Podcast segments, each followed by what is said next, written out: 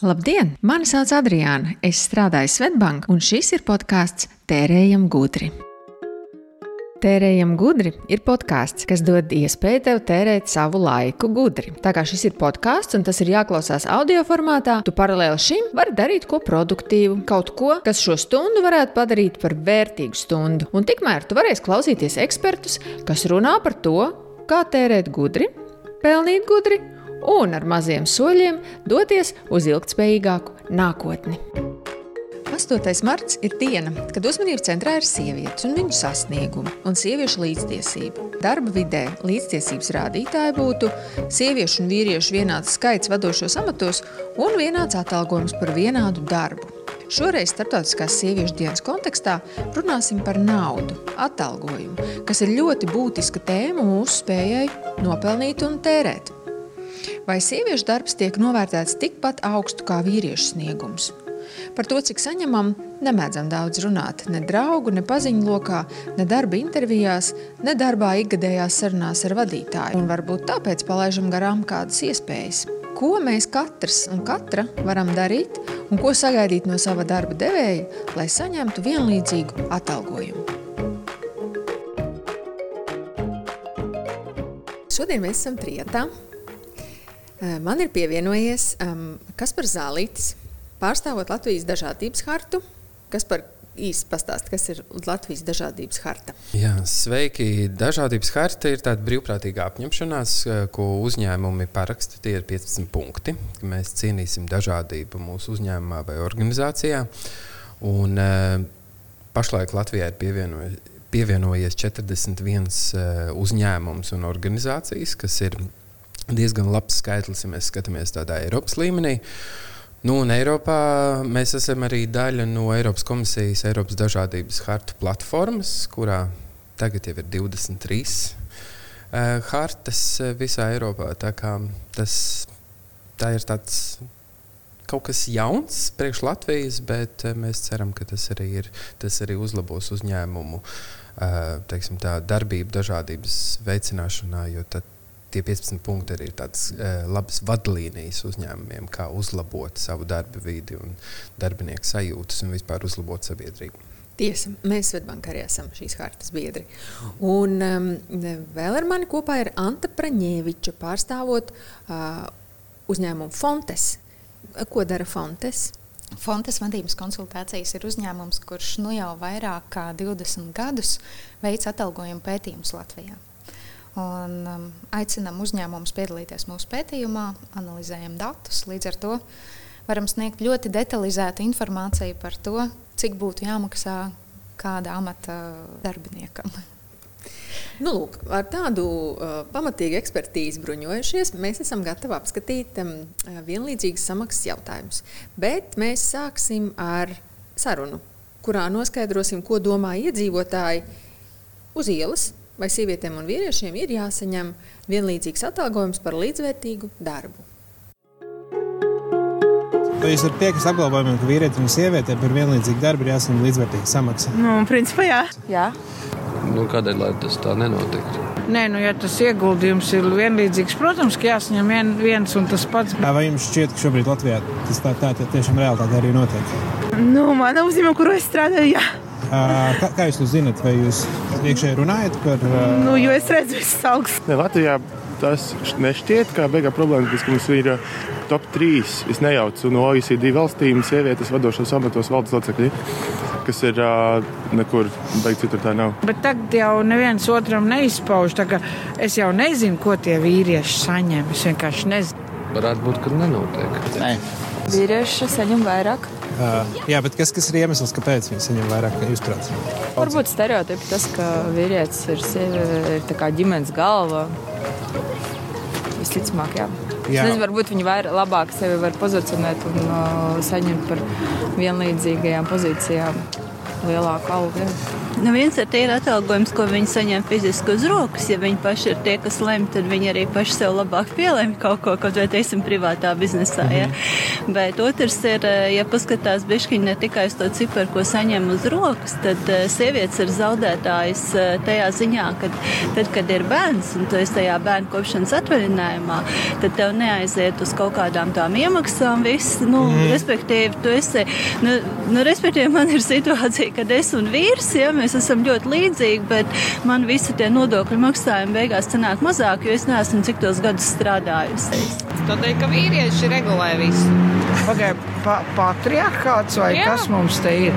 Es nezinu, Tā kas mums te tagad Tā ir. ir. Un, ja sievietēm maksā mazāk, tas nav dzimuma dēļ. Tas ir dažādu citu iemeslu dēļ. Kādu, piemēram? Uh, no Latvijas, kad tas no angļu valodā tieši tā runā, ka tas ir, kad sievietes ir vairāk piekāpīgākas Mm -hmm. Viņam nepatīk meklēt kašķi. Turpretī džekiem patīk izteikties pēc cienu, lekties un vispārējo. Un ilgākā termiņā tiem, kas meklē kašķi, pelna vairāk. Ir parasti vīrieši. Es varbūt ir uzskats, ka vīrietim jāuztur ģimene, viņam principā jāsaņem vairāk, ka sievietei varbūt ja vēl, ir, vēl ir vīrs, kurš, kurš pelna, varbūt viņai, nu, varbūt tā, bet, bet patiesībā, nu, ja tā godīgi ņemt, protams, tev ir noteikts darbs, kas ir jāveic, un ja kurš, kurš to var veikt, viņam jāsaņem tik un tik. Un Kas jums šķiet būtu kaut kāda risinājuma, kas būtu jāveic, lai šo nevienlīdzību mazinātu? Es tiešām nezinu. Nu, kādā veidā jārunā ar šiem darbdevējiem, lai viņi, lai viņi saprastu to situāciju, ka pasaulē tā ir normāla tendence, kad jābūt līdzvērtīgam atklāt algas, nu, tas laikam nebūtu pareizais risinājums. Bet uh, iespējams, ka viens, viena no opcijām vismaz kaut kādu segmentāciju. Tīri kaut kādā tajā nu, darba vidē, nu, tas ir sabiedrībai runāt par to, vairāk pievērst uzmanību. Jā, nu, par kaut kādiem gadījumiem, tā kā vairāk akcentēt, ja tām pašām sievietēm izteikt savu neapmierinātību. Cik jūsu pieredzē bieži cilvēki par vispār atalgojumu darba, darba vidē runā? Nerunā. Es vadu kursus un es vienmēr kursos cilvēkiem jautāju, es saku, jūs man esat pateicis, pateikt, cik jums ir alga. Nekad neviens nevienu ciparu nenosauc. Nu, lūk, tādi viedokļi. Bet eh, tas, kas beigās izskanēja, man tas liekas ļoti patiesi. Mēs patiešām ikdienā nerunājam par atalgojumu. Es noteikti nerunāju. Jā. Interesanti, kas ir tie apsvērumi, kāpēc mēs nerunājam. Es domāju, nu, tā ir tāda ļoti sensitīva informācija, un droši vien, ka mums varētu būt, mēs neesam droši, kā tā informācija izceļos, kādus ceļus izceļos un kā tas var atnākt pie mums atpakaļ, mums par labu vai mums par sliktu. Jūs runājat par algām ar draugiem, balītēs cik kurš pelna. Nu, varbūt balīties nerunāja, bet eh, ar draugiem mēs kādreiz pārspriežam par to, cik, cik kurš un vai, vai arī dzen, vai, vai, vajadzētu piemēram, paprasīt algas pielikumu vai kā savādāk. Tā, kā tā, tā, tā ir viena lieta, pa ko, pa ko mēs ar draugiem, ģimen, tādiem tuvākajiem draugiem un ģimenē, bet es ar kolēģiem arī, piemēram, nekad īsti neapspriestu. Anta. Es piekrītu tam, ka ģimenē noteikti. Um, ar tuvākajiem draugiem ļoti reti. Tajā pašā laikā mums ir daudz klientu, kuri nāk pie mums pēc palīdzības sakārtot atalgojuma sistēmas, jo viņu darbinieki runā par algu. Un viņa darbinieki ir aprunājušies savā starpā, uztaisījuši tabulas, salīdzinājuši, un tad nāk ar nērtiem jautājumiem, kāpēc viens pelna vairāk un otrs mazāk, un kā gan tas ir iespējams. Un, un tad viņiem ir vajadzīga tāda ļoti sakārtota sistēma, lai parādītu, kādēļ vienam vairāk, otram mazāk. Vai tieši otrādi atbildes pašiem sev, kādēļ tā ir, un tad rīcības plāns, kā to, kā to izmainīt. Ja izskatās, ka tā runāšana par atalgojumu ir viens no tādiem katalizatoriem, lai arī atalgojuma jautājumi tiktu sakārtoti. Nu, tad mēs šodien runāsim par atalgojuma jautājumiem un cerēsim, ka mūsu runas skritīs auglīgā augsnē. Vēl viena lieta, kas izskanēja, man liekas, ko ir ļoti svarīgi uzreiz mums sākumā izskaidrot, um, ir divas dažādas lietas. Tās, kā skatās uz sieviešu vīriešu atalgojumu. Anta, tu šo noteikti varēsi izskaidrot. Jā, mēs ļoti daudz dzirdam publiskajā telpā par sieviešu vīriešu atalgojuma atšķirībām. Un, Fontes, protams, ir savi dati, kāda ir šī atalgojuma atšķirība, un varu uzreiz komentēt, kas ir veids, kā mēs skatāmies uz to. Tajā brīdī, kad rēķinam, cik liela ir atšķirība sievietēm un vīriešiem par konkrēta darba padarīšanu, mēs ņemam vērā pirmkārt, ka tas ir pilns slodzes darbs gan vieniem, gan otriem. Otrkārt, ka tas ir vienāds darbs. Mums ir fontes amatu katalogs, pēc kura mēs klasificējam visus amatus. Piemēram, mums ir amatu saima grāmatvedis, otrais līmenis. Tātad mēs zinām standarta grāmatvedis šajā otrajā līmenī. Salīdzinām sievietes un vīrieši. Ja gribam būt pavisam precīzi, mēs vēl skatāmies arī, lai vienā uzņēmumā sievietes un vīrieši vienā amatā kādas tad ir atalgojuma atšķirības. Jo var gadīties, ka vīrieši strādā uzņēmumos, kur maksā augstākas algas, sievietes uzņēmumos, kur zemākas. Var gadīties, ka ir atšķirības pašos amatos. Tajā brīdī, kad mēs skatāmies uz atalgojuma atšķirībām, mēs mēģinām mazināt jebkuru objektīvo vai, vai subjektīvu. Mēģinām mazināt jebkuru faktoru, kurš varētu objektīvi ietekmēt atalgojumu. Tātad pirmkārt karjeras izvēle, kāds amats ir izvēlēts, tātad, lai būtu vienāds, otrkārt darba laiks. Treškārt, uzņēmumu izvēle, ceturtkārt, darba atrašanās vieta. Rīgā, protams, saņem vairāk nekā reģionos. Un tajā brīdī, kad visus šos faktorus saliekam kopā, tad redzam, ka Latvijā atalgojuma atšķirība ir 4,7%. Vīrieši tomēr pelna vairāk nekā sievietes. Tātad tie 4,7% ir tā īstā diskriminācija. Un tātad tas, ko tu nu pat noraksturoji, tas ir vienāds atalgojums par līdzvērtīgu darbu. Jā, pie tam vienā un tajā pašā organizācijā. Jā. Un tāda ir um, tās vīriešu un sieviešu algas salīdzināšanas, kur valstī kopumā rēķina. Jā, kad mēs skatāmies uh, valstī kopumā, protams, Katri aprēķini atšķirās, un nevar pateikt par visiem uzreiz, bet visbiežāk tie, kurus parāda, ir visas sieviešu algas pret visām vīriešu algām. Un tad ļoti daudz ietekmē profesijas izvēli. Mēs jau esam konstatējuši, ka ir tipiskās profesijas, kuras izvēlās sievietes biežāk, un neskādēļ viņas parasti ir zemāk apmaksātas nekā tipiskās profesijas, kuras izvēlās vīrieši biežāk. Um, Viens no piemēriem, ko varētu minēt, ir, ka mums ir daudz vairāk skolotājas sievietes, kuras saņem daudz zemākas algas nekā IT speciālisti, kuri pārsvarā tomēr ir vīrieši. Ne tādēļ, ka viens vai otrs nevarētu būt, bet tādēļ, ka cilvēki tā izvēlās. Kādēļ profesijas, kuras biežāk izvēlās sievietes, ir zemāk apmaksātas, gan ir viens ļoti būtisks jautājums. Mums ir Fontes amatu vērtēšanas sistēma. Pēc amatu vērtēšanas sistēmas mēs jebkuru amatu varam novērtēt ar relatīvo vērtību punktos. Tas, ko mēs skatāmies, ir izglītība, kas ir vajadzīga, lai veiktu darbu, pieredze, kas ir vajadzīga, darba sarežģītība, domāšanas sarežģītība, komunikācija, atbildība par lēmumiem un resursiem. Pēc šīs sistēmas mēs varam novērtēt gan skolotāju amatu, gan IT amatu, gan grāmatveža amatu, gan jebkuru citu amatu. Un, pēc mūsu šīs vērtēšanas metodas nu, nesanāk tā, ka programmētājs ar divu, trīs gadu pieredzi ir vērtīgāks par skolotāju vai par klases audzinātāju. Nu, viņiem ir daudz maz līdzīgi punkti. Un tomēr amats ir pieprasītāks šobrīd darba tirgū, tāpēc arī viņa atalgojums ir daudz reizes augstāks. Jā, tātad, un, un, un tas, ko tu tagad raksturoji, tas ir tas Otrs griezums, kā mēs skatīties uz atalgojumu, tad šīs atalgojuma atšķirības starp um, sievietēm un vīriešiem uh, kopā valstī.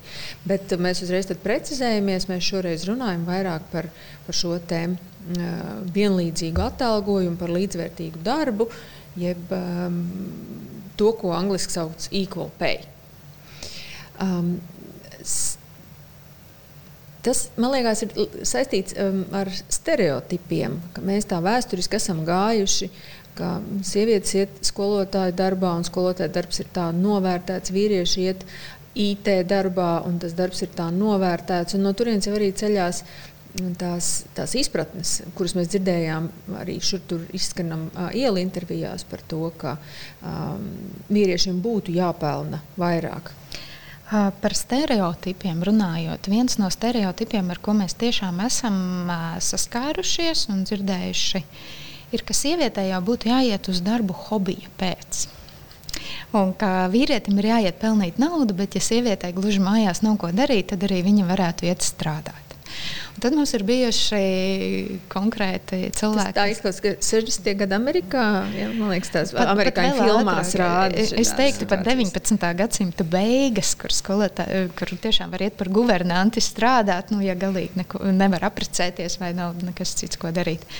Bet, uh, nu, šis stereotips jau tiešām ir divus gadsimtus vecs un, un vairs nebūtu aktuāls šajā brīdī.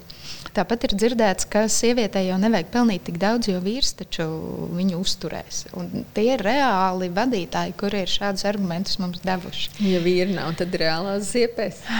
Nu, bet paskatī, paskatīsimies no citas puses, kas ir no darba ņēmēja aspekta. Mēs arī uzliekam ārkārtīgi milzīgu slogu vīriešiem šajā pusē. Jo, ja mēs skat, novērtējam, piemēram, skatāmies uz, tā, uz dzimumu līdztiesību arī no tā ap, apgrieztā aspekta, tad uh, vīriešiem ir daudz sliktāka veselība. Mm -hmm. Jā, tā skaitā arī garīgā veselība, kur beig beigās tieši šis, eh, šis stereotips uzliek milzīgu slogu. Tad ir šis satraukums, kāpēc es nepelnu pietiekami, kāpēc es nevaru uzturēt.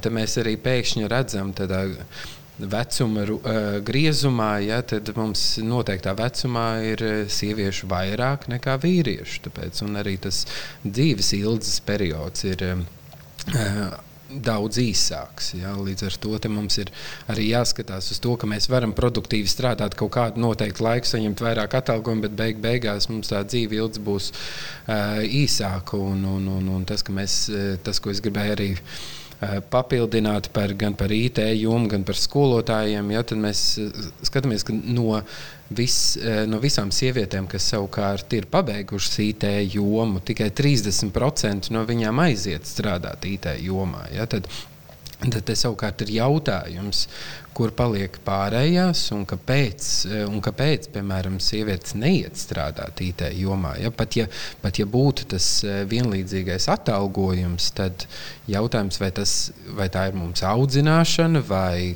tā ir drošība darba vidē. Ja? Tas ir tas aspekts, ir diezgan, diezgan, eh, diezgan plašs. Mums vajadzētu arī skatīties no tā, ka ko mēs, ko mēs arī iemācām augstskolā, ko mēs arī iemācām skolā. Ja?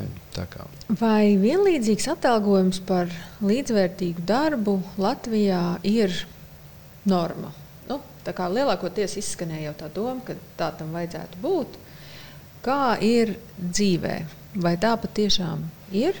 Kā mēs izskatāmies, kāda ir tā dinamika un vispār vai šī pieminētā 4,7% atšķirība, vai tas ir daudz, vai mums par to vajadzētu uztraukties, vai tā ir problēma?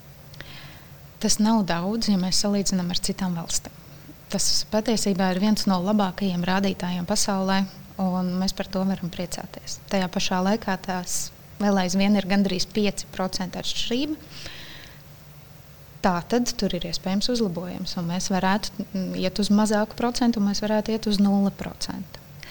Um, ja mēs salīdzinām ar Lietuvu un Igauniju, mūsu tuvākajām valstīm, tad Latvija ir viņām abām divām priekšā. Igaunijai ir vissliktākā pozīcija un Lietuva pa vidu. Um, ja mēs skatāmies, kā izskatās šobrīd darba tirgu, lielākā daļa par to nemaz nedomā. Un, līdz ar to man gribētos domāt, ka tie 4,7% ir vairāk neapzināta diskriminācija nekā speciāla diskriminācija. Uh, ir daļa uzņēmumu, īpaši pēdējo gadu laikā, kas par to sāk ļoti apzināti domāt. Mēs jau trīs gadus pasniedzām taisnīgākā atalgo, uh, atalgojuma maksātāju balvu. Uh, Un pēc pirmā gada mums bija patīkams pārsteigums, ka organizācijas zvanīja un prasīja, kā mēs varam iekļūt top 10, kas vēl mums ir jādara, kā vēl mēs varam uzlabot.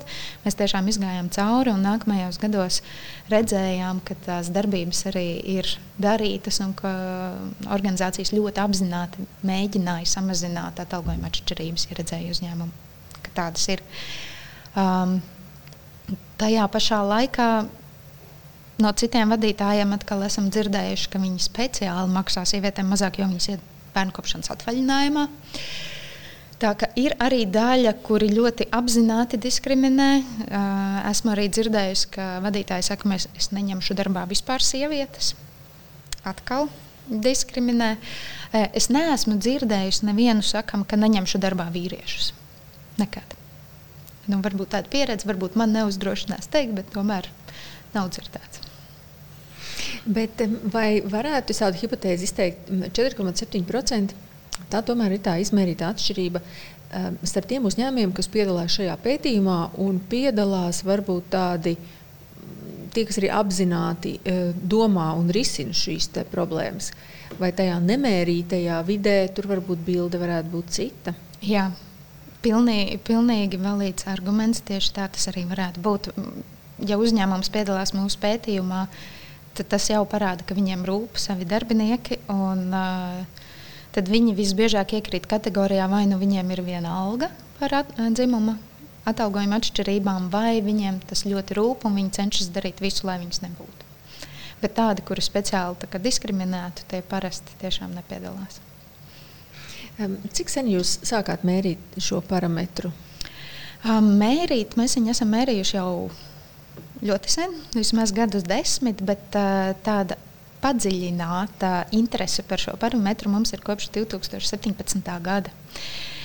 Patiesībā tas sākās ar Šerilas Sandbergas TED talk noklausīšanos Līniņā par to, kādēļ mums ir tik maz sieviešu vadībā. Un, uh, ir arī grāmata ar tādu pašu nosaukumu, kuru es rekomendēju izlasīt ikvienam, ar ļoti daudz interesantu pētījumu apkopojumu par to, kādēļ sievietes mazāk iet uz vadības pozīcijām, kādēļ viņas saņem mazāk un kur tad rodas uh, šī arī atalgojuma atšķirība.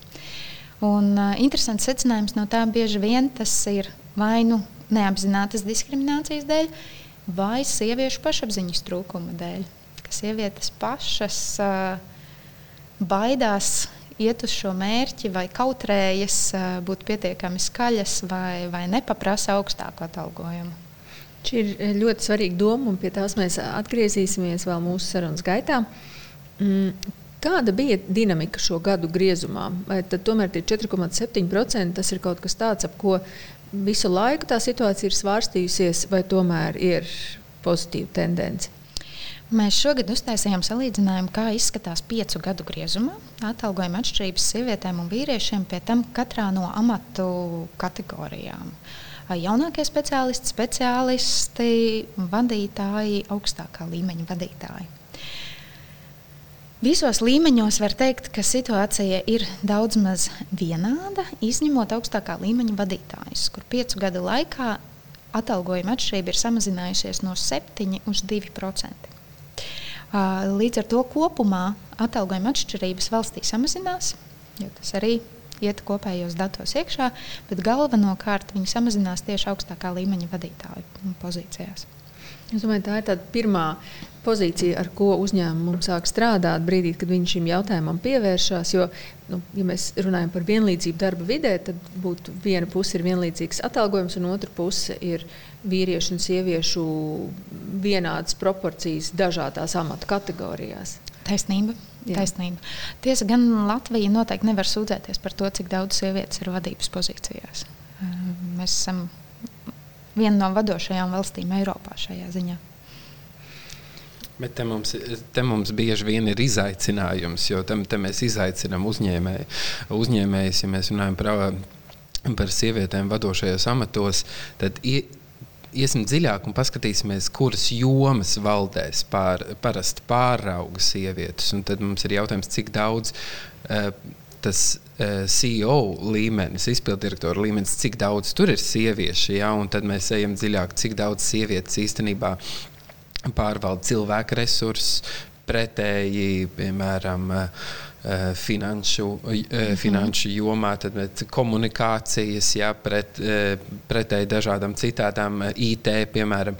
Un tad te, šeit mēs arī ārkārtīgi bieži izaicinām. Mums patīk būt tā kā priekšā, ja līdzīgi kā arī zinātnieces, sievietes, mēs sakam, ka Mēs esam, mums ir tas īpatsvars ārkārtīgi liels, ja, bet, ja mēs tā ejam nedaudz dziļāk, tad mēs skatāmies, un te ir tas, par ko mēs iepriekš arī runājām, kāpēc sievietes izvēlas būt par skol, eh, skolotājām vairāk nekā vīrieši, ja kāpēc sievietes zinātnieces vairāk vēlas iet tādā bioloģijas jomā, ne, nevis inženierijas jomā. Šeit, šeit mēs parasti mm -hmm. labi, labi mēs esam, ja, bet tad ir izaicinājums, vai tiešām tik labi, kā mums gribētos būt. Ja, bet, bet, ja es varu īsi paturpināt te, par to atalgojumu atšķirību, man ļoti patika tieši Svetbanka piemērs, kad jūs iznācāt ārā ar tādu paziņojumu, nu, ka mums ir e, tas. E, gender pay gap šajā gadījumā. Un uh, tīri dažādības hartas ietvaros mēs redzējām, ka no vairākiem parakstītājiem bija tādas lielas acis. Aptuveni trakie, ko jūs darat. Ja? Nu, mums, mums gan tā nav. Un, un tad tādā laika gaitā cilvēki tomēr saprata, viņi iedziļinājās par to, kā, kā Svetbanka to ir mērījis. Tad, tad, tā, nu, tad mēs paliekam ar vien klusāki šajā jomā, jo iespējams mēs arī nedaudz iedziļināmies, kā mums tas viss iekšēji notiek. Bet, bet man ārkārtīgi patika tā, tā pirmā reakcija ļoti daudziem cilvēkiem, ka, ka jūs pavisam traki, ka jūs arī to publiski paziņojāt. Bet beig, beigās rezultāts, es teiktu, ir ārkārtīgi pozitīvs. Nu, jā, mums tas ir prasījis gadus, jo man liekas, 14. gadā bija tas eh, izšķirīgais lēmums, ka tā ir joma, kuru mēs gribam sakārtot. Un, un līdz 17. gadam nu, principā mums šīs te, uh, samaksu atšķirība ir kaut kāds nulle komats. Un, tā izrādās ir arī tāda lieta, kas nav kā mājas darbs, kur tu vienreiz izdari, sakārto un tad visu mūžu laimīgi ar to dzīvo. Tas prasa visu laiku konstantu monitorēšanu un visu laiku tās situācijas piekoriģēšanu. Bet, ja mēs esam sākuši par to runāt, mm, mums ir um, um, eksperta komentārs par šo. Eh, mēs tieši pajautājām eh, Svetbanka personāla pārvaldes vadītājai Latvijā Agitai Jākapsonai, ko atalgojuma atšķirību novēršanas labā var darīt darba devējs. Un varbūt Svetbanka stāsts arī ir tāds ieklausīšanās vērts, jo uh, pavisam svaigi Svetbanka piemērs ir publicēts tādā institīvu portālā Women Empowerment Principles. Un, un, un šis portāls ir tāds resursu portāls divām organizācijām, kas ir ANO globālais līgums un ANO sieviešu organizācija. Un tās ir divas apvienoto nāciju organizācijas, kam rūp dzimumu līdztiesību un sieviešu iespēju palielināšanu. Un tad varbūt um, lai izskan šis viedoklis. Agita, saki lūdzu, Kāpēc bankai bija svarīgi pievērsties atalgojuma atšķirību novēršanai? Jāsaka, ka Svetbanka mums ir ārkārtīgi svarīgi uh, izturēties pret uh, ikvienu uh, līdzvērtīgi. Līdz ar to, protams, atalgojums ir viena būtiskā mūsu darba vides un, un darba sastāvdaļa. Un, protams, šī joma ir pietiekami svarīga un tāpēc arī tai pievērsāmies. Ko īsti nozīmē izlīdzināt atalgojuma atšķirības, kā šī sistēma veidojās, par ko tur ir jādomā to darot? Jā, noteikti. Pirmkārt, uzņēmumā būtu jā, jāvienojas izmantot tādu kāda starptautiski pieejama metodoloģija, amatu klasifikācijai, vienkārši izsakoties. Tās pamatā ir, ka amati tiek sadalīti amatu saimēs, kategorijās un līmeņos pēc to sarežģītības. Uh, otrs solis būtu uh, noteikt katram šim amatam atalgojuma minimālo un maksimālo robežu, un šo var noteikt uh, sākot. Tad šī metodoloģija jau paredz kaut kādas norādes, bet arī tas nozīmē, ka uzņēmums katru gadu saprot savu situāciju pret tirgus situāciju. Piedaloties, tātad, kāds ir iespējams, tas piedaloties atalgojuma pētījumos. Mūsu skatījumā šis ir lielākais atalgojuma pētījums Latvijā un Baltijā, ko mēs veicam sadarbībā ar Fontes. Un, vēl, un tad nākamais, droši vien, visnozīmīgākais aspekts ir šis ikdienas darbs. Un kā tas izpaužās, tad pieņemot darbā jaunus kolēģus, mainot amatus esošajiem kolēģiem, pārskatot atalgojumu gadu, pārskatot atalgojumu kolēģiem, kas atgriežas no bērnu kopšanas atvaļinājuma, tad mēs visu laiku skatāmies pret šīm norādēm, kas ir mūsu šīs atalgojuma tā saucamās šķēres konkrētajam amatam. Un mēs skatāmies, lai, lai šī situācija būtiski neatšķirtos starp pārējiem kolēģiem, starp vīriešiem un sievietēm. Vai es saprotu pareizi, ka teiksim, uzņēmumā ar šādu vienlīdzīgas uh, samaksas politiku mana alga nebūs tik ļoti atkarīga no manas prasmes to pieprasīt vai no manas prasmes tirgoties par algas lielumu? Respektīvi, pat ja es būšu pieprasījusi mazāku algu, uh, es dabūšu lielāku, jo Citiem maniem kolēģiem, darot tādu pašu darbu, ar tādu pašu prasmu komplektu un sarežģītības līmeni, tas atalgojums ir lielāks. Un es automātiski dabūšu lielāku, pat ja es būšu prasījis mazāku. Jā, tas tiešām pasargās kolēģi, cilvēkus, kolēģus, kandidātus, kas varbūt par zemu novērtē savas spējas. Tas arī liekas, ir liekas, viens no mūsu solījumiem, jā, ka mēs maksājam šo līdzvērtīgu atalgojumu. Bet eh, es gribētu uzsvērt, tas neizslēdz iespēju eh, katram kolēģim eh, runāt vai kandidātam, tad, kad notiek vienošanās par atalgojumu, būt pašam informētam, zināt amatu, uz ko es kandidēju. Tātad šo minimālo, maksimālo robežu, spēt argumentēt savas prasmes un savas labās īpašības, Un, un savu darbu sarežģītību izskaidrot. Uh -huh. Un, attiecīgi, vienoties par šo sākuma atalgojumu, jeb par potenciālām, teiksim, vai mēģināt saprast, kas būtu tas jāizdara, iespējams, gribētu lielāku atalgojumu, ja? vai man būtu jāuzņemas papildus pienākumu vai jāmaina amats. Intelektuālā darba darītājiem nav tik vienkārši saprast, kas tad ir tas vienādais darbs. Kas, kas ir tie parametri, uz ko banka skatās, kad salīdzina dažādus amatus un, un, un vienādot tos. Tad atkal nāk tālāk šis amatu klasifikators, ja mēs tā varam teikt, jeb, kas atkal attiecīgi šī sistēma ir veidota no amata sarežģītības, no ietekmes uz organizācijas lēmumiem, no tā, cik daudz ja tas ir vadītājs, cik daudz kolēģi ir viņa pakļautībā, vai tā ir viena funkcija vai starp funkciju uh, ietekmes sfēra. Tāpat tās arī geogrāfiskais mērogs, ja tā tad darbs tikai vienā valstī, pretēji varbūt Baltijas vai grupas mērogam, kas mūsu gadījumā ir četri mājas tirgi, arī atšķirās. Ja, tā arī veidojas šīs atšķirības no sarežģītības geogrāfiskā mēroga. Kāds ir jūsu pārdoms par dzirdēto? Es saklausīju identisku situāciju no savas pirmās tikšanās ar klientu, kad sāku strādāt Fontes. Sniedzu viņiem prezentāciju par to, kā viņu uzņēmums izskatās salīdzinājumā ar tirgu. Un, pie šī klienta bija viens vadītājs, kurš visas meitenes tajā telpā sauc par zaķīšiem. Tā skaitā mani, kaut arī mēs pirmo reizi tikāmies. Viņš saka, Zaķīt, saki man tagad tā. Tā ir pazīme. tā, tā, tā ir pazīme. Ja man nāk uz darba interviju sieviete un prasa divreiz zemāku algu nekā saņem pārējie kolēģi, un zemāku nekā ir noteikts mūsu tajās atalgojuma šķērēs. Respektīvi, pozīcija ir noteikts no līdz, un šī kandidāte, protams, prasa mazāku man viņai maksāt mazāk, jo tad es varu ietaupīt, vai tik, cik ir noteikts šķērēs.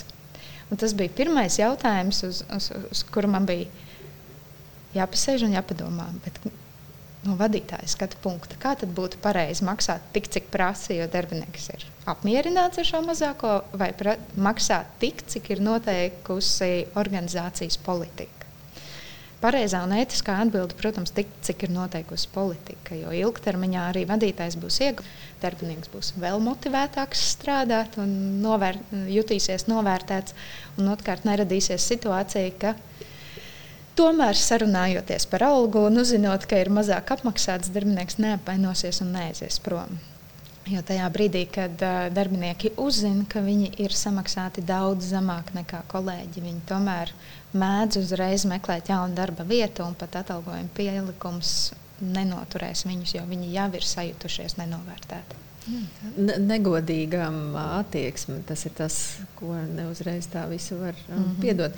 Un tāpēc man liekas, ir, mm, ja mēs runājam par tādu gudru pelnīšanu un gudru tērēšanu, tad strādāt darba vietā, kur ir šī prakse, tas tev uzreiz iedod drusciņi arī tādu nu, labu sajūtu un tādu drošības garantu, ka tu esi pasargāts no tāda favorītisma vai, vai citām subjektīvām lietām, kāpēc tev maksātu mazāk nekā uh, tavam kolēģim. Um, bet um, mēs jau iesākām runāt par to, cik lielu atalgojumu prasīt. Um, tā ir tāda ļoti interesanta un ļoti sensitīva lieta. Bet varbūt vispirms bija teorijas kad es eju uz darba interviju vai kad man ir ikgadējās pārunas, kā zināt, cik lielu atalgojumu prasīt, kā novērtēt, vai atalgojuma piedāvājums ir adekvāts. Ante, ko jūs kā personāla pārvaldības eksperti ieteiktu katram darba devējam? Darba ņēmējam. Darba, ņēmējam. Darba ņēmējam man būs grūtāk ieteikt, jo mēs strādājam ar darba devējiem. Un, ja arī mums uzraksta kāds darba ņēmējs jautājot par atalgojumu, mēs parasti nevaram viņiem sniegt datus. Oh. nu, tagad ir tā labā praksa ar darba sludinājumiem. Mhm. Šķiet, Jā. no pagājušā gada jau, mhm. kur ir norādīts šīs amatu amata augstākais, zemākais atalgojums. Nu, tā varētu būt viena tāda uh, vadlīnija, kur uh, pameklējot uh, interneta resursos, tu vari atrast, kāds ir tas um, uh, samaksas. Um, Es varbūt uh, varu uz jautājumu atbildēt tīri no personīgās pieredzes. Un personīgā pieredze vienā no pirmajām darba vietām. Es sapratu, ka pēc prakses man piedāvās palikt darbā un prasīs, kāds būs atalgojums. Mājās ar vīru arī runāju. Situācija tāda. Vīrs man ir viens no lielākajiem atbalstītājiem. Viņš saka, bet tu prasi rītīgi labu algu. Nu, tajam laikam, man liekas, prasa 1000 eiro. Ja viņi tev nedod 1000 eiro, prasa benefitus. Prasa telefonu, un mašīnu, un apdrošināšanu, un apmaksātus kursus, un visu, ko vien var, bet kaulējies. Aizēju uz pārunām. Viņi saka, nu, kādu algu tu vēlētos? Es saku, 1000 eiro. Viņi saka, mēs tev piedāvājam 500. Es saku, labi. Es saku, bet tad varbūt man var uh, telefonu, mašīnu un apdrošināšanu. Apdrošināšana mums nav, telefons mums nav. Mašīna, nu tā koplietošanas kapluks, tā teikt. Nu, labi. Un es piekrītu, man patika darbs. Tā, tā bija arī mana pirmā atziņa, ka ir jāiet ar tādu pārliecību, ka tu esi tā vērts. Tas ir tieši tas, kas sievietēm visbiežāk pietrūkst. Vīrieši ir pārliecība, ej, un prasi, tu taču vari visu. Un sievietei liekas, nē, nē, es sev vispirms pierādīšu. Es vispirms parādīšu, ka es esmu ļoti, ļoti labs darbinieks, un tad es paprasīšu pielikumu. Un tieši tā man arī gāja ar atalgojumu prasīšanu. Un, tajā brīdī, kad mēs runājam arī ar citām sievietēm un vīriešiem, tad bieži vien tā situācija ir tieši tāda, ka vīrieši ir pārliecināti, ka viņiem tas pienākas, viņi to prasa. Un, ja viņiem saka, nebūs 1000, būs 500, tad ir nē, vajag vēl, un ko mēs vēl varam darīt, un kā mēs vēl varam iet tālāk. Un sievietēm ir jā, jā, labi. labi jā. Bet man liekas, arī tā, tā lieta, es gribēju piekrist Adrianai šajā gadījumā, ka ir tā labā prakse, ka tagad ir sludinājumos minēts tas mm -hmm. vai šķērs vai sākot ar.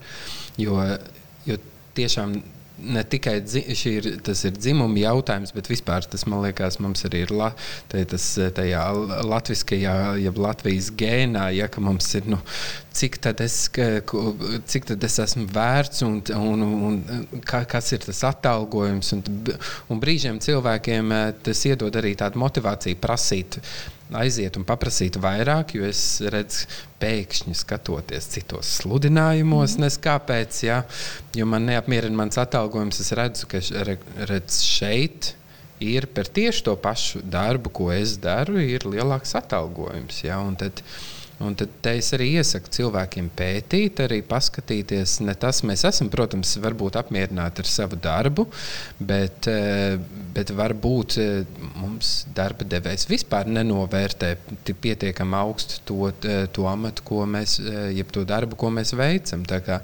noteikti ne tikai dariet darbu labi, bet arī paskatieties, ko, ko tirgus rāda, jo, jo tas, tas dotu tādu motivāciju paprasīt vairāk. Un, un, un šajā gadījumā tas, tas noteikti ir tāds iet, ieteikums ikvienam darba ņēmējam pētiet tirgu, skatieties, jo arī tajā brīdī, kad jūs to esat darījuši ilgi, varbūt tomēr tas, tas, tas, tas amats ir daudz vairāk novērtētāks. Varbūt varu vienu tādu opozīcijas piemēru arī iemest. Nemazinot ieteikumu, prasīt vairāk un nemaz, nemēģinot uh, neiedrošināt skatīties sludinājumos. Bet tas, ko esam novērojuši arī mūsu klientu organizācijās, ka ir darbinieki, kuri sevi novērtē daudz reizi augstāk nekā viņi reāli spēja pienest. Un tajā brīdī, kad viņi saka, es taču daru tieši to pašu, kas ir tajā darba sludinājumā, viņi nedara ne pusi, kas ir tajā darba sludinājumā, jo darba apstākļi, un darba sarežģītība un darba apjoms ir pavisam citādāks. Un, uh, darba sludinājumi noteikti ir viens no resursiem, kur var skatīties uz atalgojumu. Tāpat CVLV pētījums noteikti ir viens no resursiem, kur var apskatīties vismaz aptuveno līmeni Es vismaz pati arī ejot uz darba pārunām, pirms fontes skatījos, kādas 3, 4, 5 reizes vadīju algu vienam un tam pašam amatam, lai paskatītos, nu, kur tad ir tā mediāna. Uh, tajā pašā laikā katrā uzņēmumā katrs amats būs ļoti, ļoti individuāls. Un, un tam arī ir jāpievērš uzmanība, ka vienā uzņēmumā strādāt par grāmatvedi ir bez stresa un patīkami, un otrā uzņēmumā tas nozīmē ārkārtīgi sarežģītu komunikāciju ar visiem departamentiem katru dienu. Te, tie amati var būt ļoti līdzīgi, bet tas nenozīmē, ka vienādi. Jūs ļoti jauki jau pieteicāt nākošo sarunu, ko es gribētu atskaņot. Bet ļaujiet man pastāstīt, ar ko būs šī saruna. Um, Nīderlandiete Klēra Belilos viņa 2020. gadu ir pasludinājusi sev par dzīvošanu kā vīrietim gadu. Un, uh, tas ir stāsts par to, ka uh, Klēra ir daudz pētījusi vīriešu un sieviešu psiholoģiju. Un, nu, mēģinās tās labākās vīriešu psiholoģijai raksturīgās īpašības ieviest savā sievietes darba, darba dzīvē. Un, um, tas pagrieziena punkts uh, bija kāda konference kurā apbalvot par lieliskiem sasniegumiem, viņa kautrīgi nolaida acis un sacīja, nu, nekas jau vēl nav izdarīts. Un uz to negaidīt personīgi un skaļi reaģēja kāda cita kolēģi, kura visiem klātesot rosināja sievietes uzņemties savus nopelnus un tos izdzīvot. Un tā sākās klēras un pāris viņu sabiedroto ceļš uz vīrieša domāšanu. Nekautrēties no saviem panākumiem, iet uz savu mērķu ar ambīcijām, ar ticību un pārliecību par sevi un uh, savām spējām. Paklausīsimies, kā viņai iet. We have heard you have a very interesting New Year's resolution. Can you tell us uh, about it? Yeah, I can. So, my resolution this year is to think and act a bit more like a man. Ooh. Mm-hmm. What does it mean? Are you going to wear trousers only, or or no. what's uh, what what is it? It's basically trying to embody characteristics that I've noticed in uh, my male colleagues at work, but I decided to extend that a bit further and also look at my personal life, at my my partner, my brother, my father, and how they how they basically position themselves in their day-to-day life the way that they act, or even things that they say, and how that actually helps them get further in life. What was the trigger to start such a resolution? What made you want to, to think about it so seriously? Hmm. So there was a few things, uh, really a, mix. Um, but basically, I had realized that um, at my work, I was making myself smaller than I am, and I, I, there were, for example, a, a female colleague. She was leaving, and um, in her goodbye, she said, "You know, Claire, you're you're so ambitious, and you're going to go far." And my first reaction was to deny that I was ambitious, and uh, and then later I thought, well, why why am I denying that I'm ambitious? Why do I feel that that is something that I need to immediately reject or refuse? and uh, there was a an award ceremony at work and i was awarded young ambitious leader and i was one of nine people and everyone had given acceptance speeches that said thank you and you know just simple things like that and i out of nowhere was given this award and then i said i don't deserve this award. And i was the only one. And only later did i think wait but why? Why did i think i don't i'm not deserving? Um, and so it was that and being surrounded by quite a large number of older white men who are very quite privileged. And I realized I was making myself so small and so silent, and it's not like who I am. So from that point on, I thought, you know what, there's something is something's going on, and maybe I am I've embraced this uh, idea of what it means to be young and female too much of what society expects of young female women and it's it's getting in my way. So have you tried out uh, how this is uh, playing out?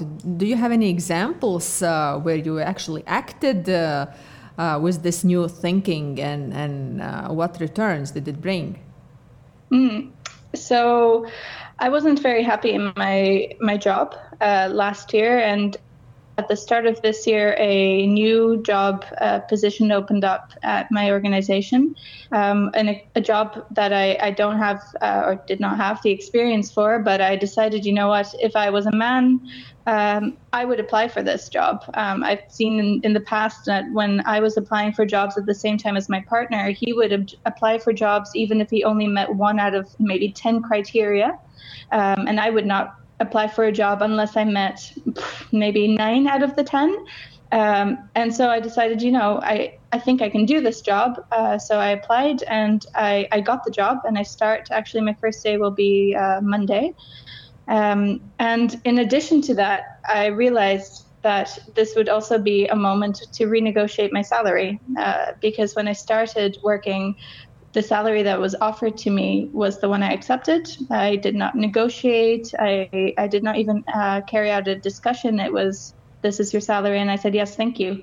Um, and so I decided this was something that I, I was going to now try and see if I could uh, negotiate what I thought was uh, that I was worth, and um, also recognizing that my self worth is probably lower than what a man's is. So to try and go above even that.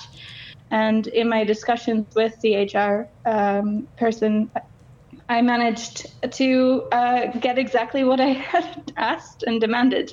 Um, so it is working out well. It's uh, so far so good. But are you saying that this is merely a matter of a self confidence and and uh, being tougher in negotiations and more defending your opinion? Um, is this what it's about? Mm-hmm.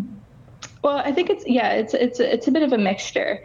Um, I've I've sort of created a list uh, before I started this of what does it mean for me to to be and think more like a man. And sure, it's it's being a bit more assertive, um, having less self doubt, um, and not getting in the way of my own criticisms of myself because I am absolutely my worst critic. Um, but it's also a, a bit of a, a, mentality that I realize that men walk around thinking and feeling um, without any doubt that they belong there, uh, that they don't need to apologize, uh, uh, that they can have opinions and really say them whether they are founded or not. Um, they don't necessarily feel this need to be you know an an entire an expert in their field to have an opinion whereas that is something that i realized i was doing is your career the main purpose of this resolution, or is there something more? What's next to come? Hmm. Yeah, so it started initially. It was triggered by my my my career, definitely. Um, but I also realized in my day to day life, it, it, was it's also starting to have a bit of an impact. Um, it's uh, in the way that I previously, if I were to look at myself in the mirror, I would uh, look for something to criticize. And I noticed that my partner would never do that. I, I don't think he even reflects on that. Um, he, he is who he is and he accepts that. So it's a, a form of acceptance as well. Um, and um, assertiveness has also been in making decisions and, and doing it then. So one of the things I decided this year was uh, that I wanted to get laser eye surgery, and things that in the past would have stopped me are things like, oh well, it's it's money or it's time or oh maybe it's a bit scary, uh, but this time just saying no. I'll, call and, and, and go for it. Um, uh, those little things that are already starting to happen that I realize I'm, I'm just being a bit more assertive in those things as well and saying I do get to prioritize myself and I won't do it over, you know, in two months' time. I will do it now. Thank you, Claire. We really wish you uh, good luck in your um, you. uh, resolutions. And uh, thank you that you were available uh, for this.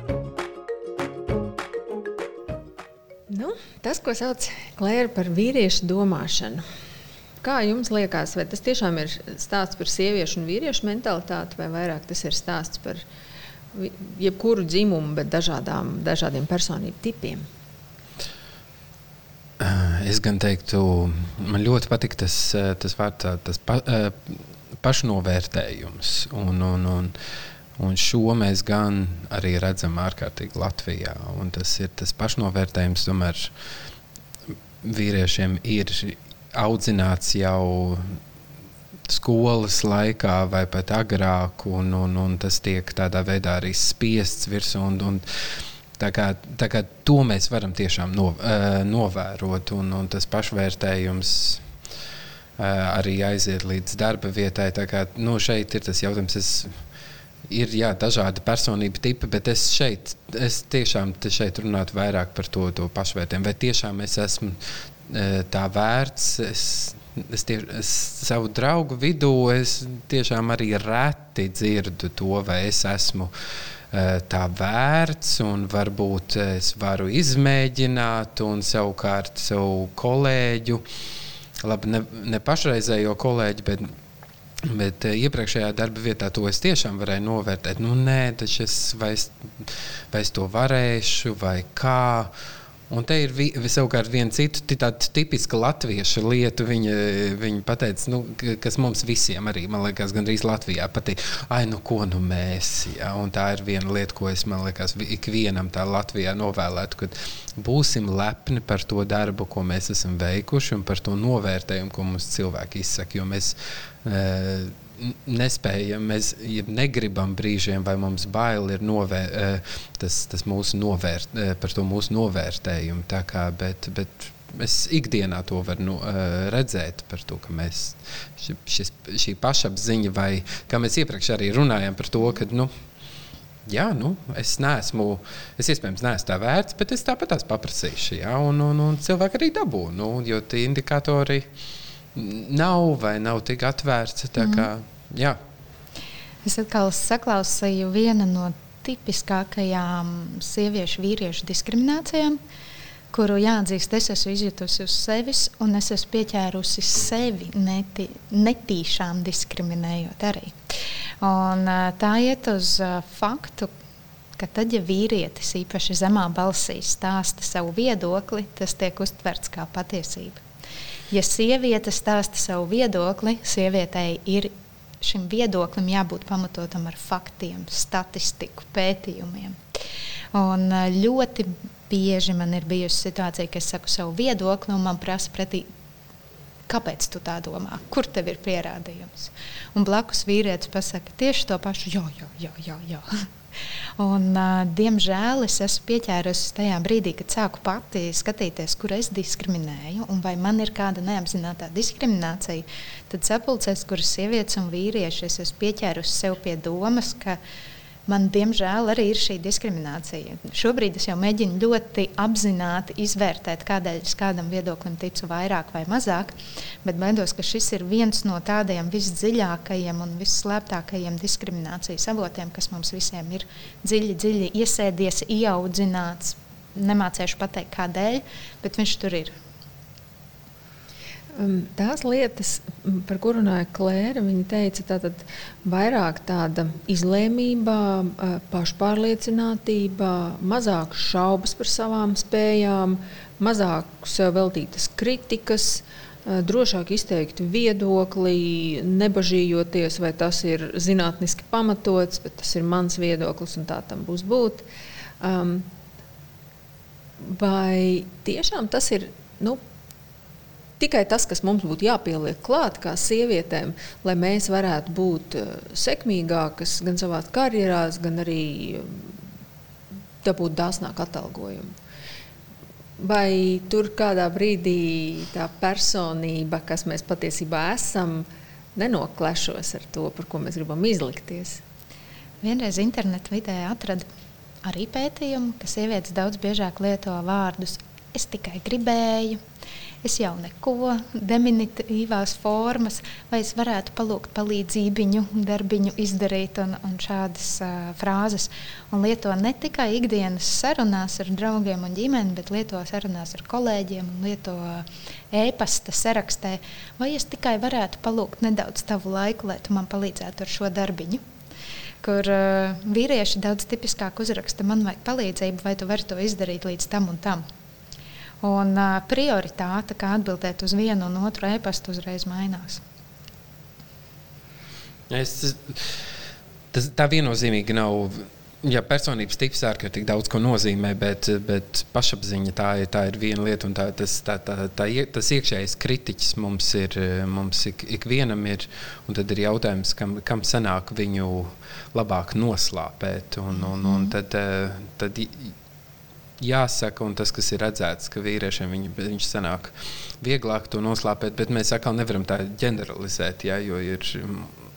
Mums paliek, mēs paliekam ar vienu tādu tā, atvērtāku sabiedrību, ja, un, un mēs, mēs arī pamanām to, ka uh, Ir vairākas ģimenes, kas audzināšanā savukārt saka, ja, to, ka nu, arī, arī vīrieši var būt emocionāli un, un, un, un, un arī sievietes var iet uz priekšu, ja tev ir jāsitās arī uz priekšu. Bet šeit ir tas arī par, par, par, par, par ko tu, tu runāji, par darba vietā. Nu, tu uzreiz eh, ļoti bieži vadītājs nenovērtē sievieti, vai cits kolēģis nenovērtē sievieti pietiekami. Ja? Un te ir, te ir tas, eh, te, es, es parasti savā darba vietā izaicinu, jo es strādāju izteikti sieviešu kolektīvā, un tad es to sajūtu no otras puses. Ja? Nu, vai tu varētu uzcelt to vendenu pudeli. Ja?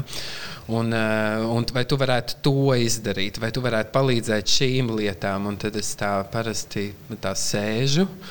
Un es jau esmu iemācīju, iemācījis kolēģis līdz tam, ka, nu, e, skatoties uz mani, nebūs. Jā, nu, nebūs. Un tad, un, Un tā, tā ir tā lieta, nu, ka nevajag izlikties brīžiem vājākām, ja, nekā mēs patiesībā esam.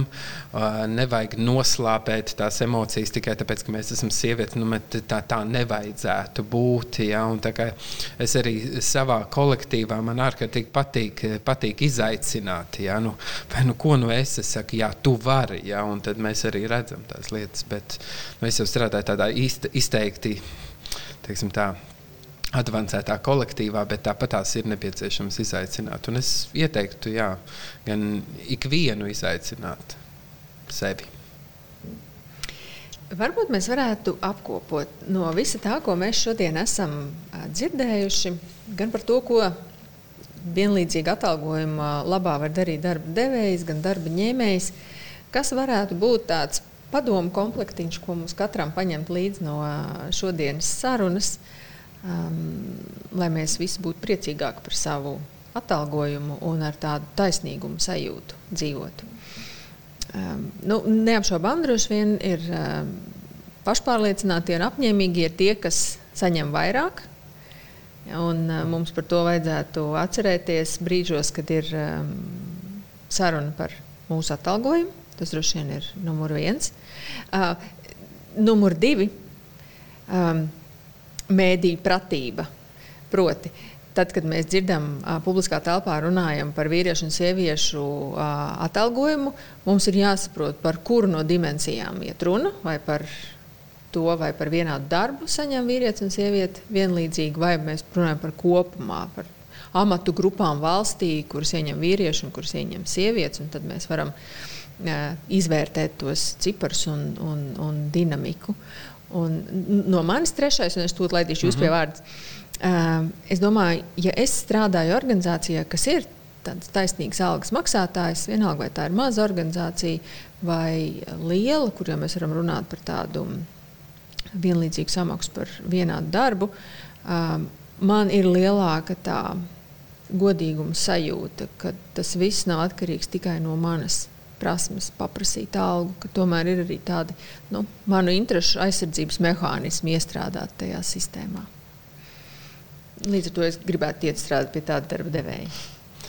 Nu, jā, tas ir tas, mēs arī hartas ietveros, arī cilvēkus aicinām uh, iet pie drošiem, pie, pie droša darba devēja. Tas, kas, tas darba devējs, kas tevi cienīs, kas tevi novērtēs kā cilvēku, nevis ieliks tevi kastītē. Ja, šis ir tas, kas tev būs jādara. Bet, ja es tādus, tādas pāris lietas, ko es gribētu teikt, ir, ir darba devējam veidojiet drošu vidi, apzinieties, eh, apzinieties, izvērtējiet kritiski par to, kāda jums ir darba vide, vai tiešām viņi ir droši darba vide ikvienam no darbiniekiem. Un tā ir tā, ir tā lieta, ka šeit ir tas ieteikums eh, paskatīties uz sevi, iespējams aiziet uz apmācībām vai uzaiciniet kādu, kas jūs izaicinās uz šiem neapzinātajiem stereotipiem. Ja? Lai izaiciniet sevi, vai, vai tiešām kas, kas, kas ar jums pašu, kā vadītāju vai darba ņēmēju, kas, kas notiek, kas ir šie jūsu neapzinātie stereotipi. Un pēkšņi iespējams atvērsies pilnīgi jauna pasaule, ko jūs nebūsiet redzējuši, un, un, un tas varbūt tās var kaut kādā veidā arī izmainīt to darba vidi.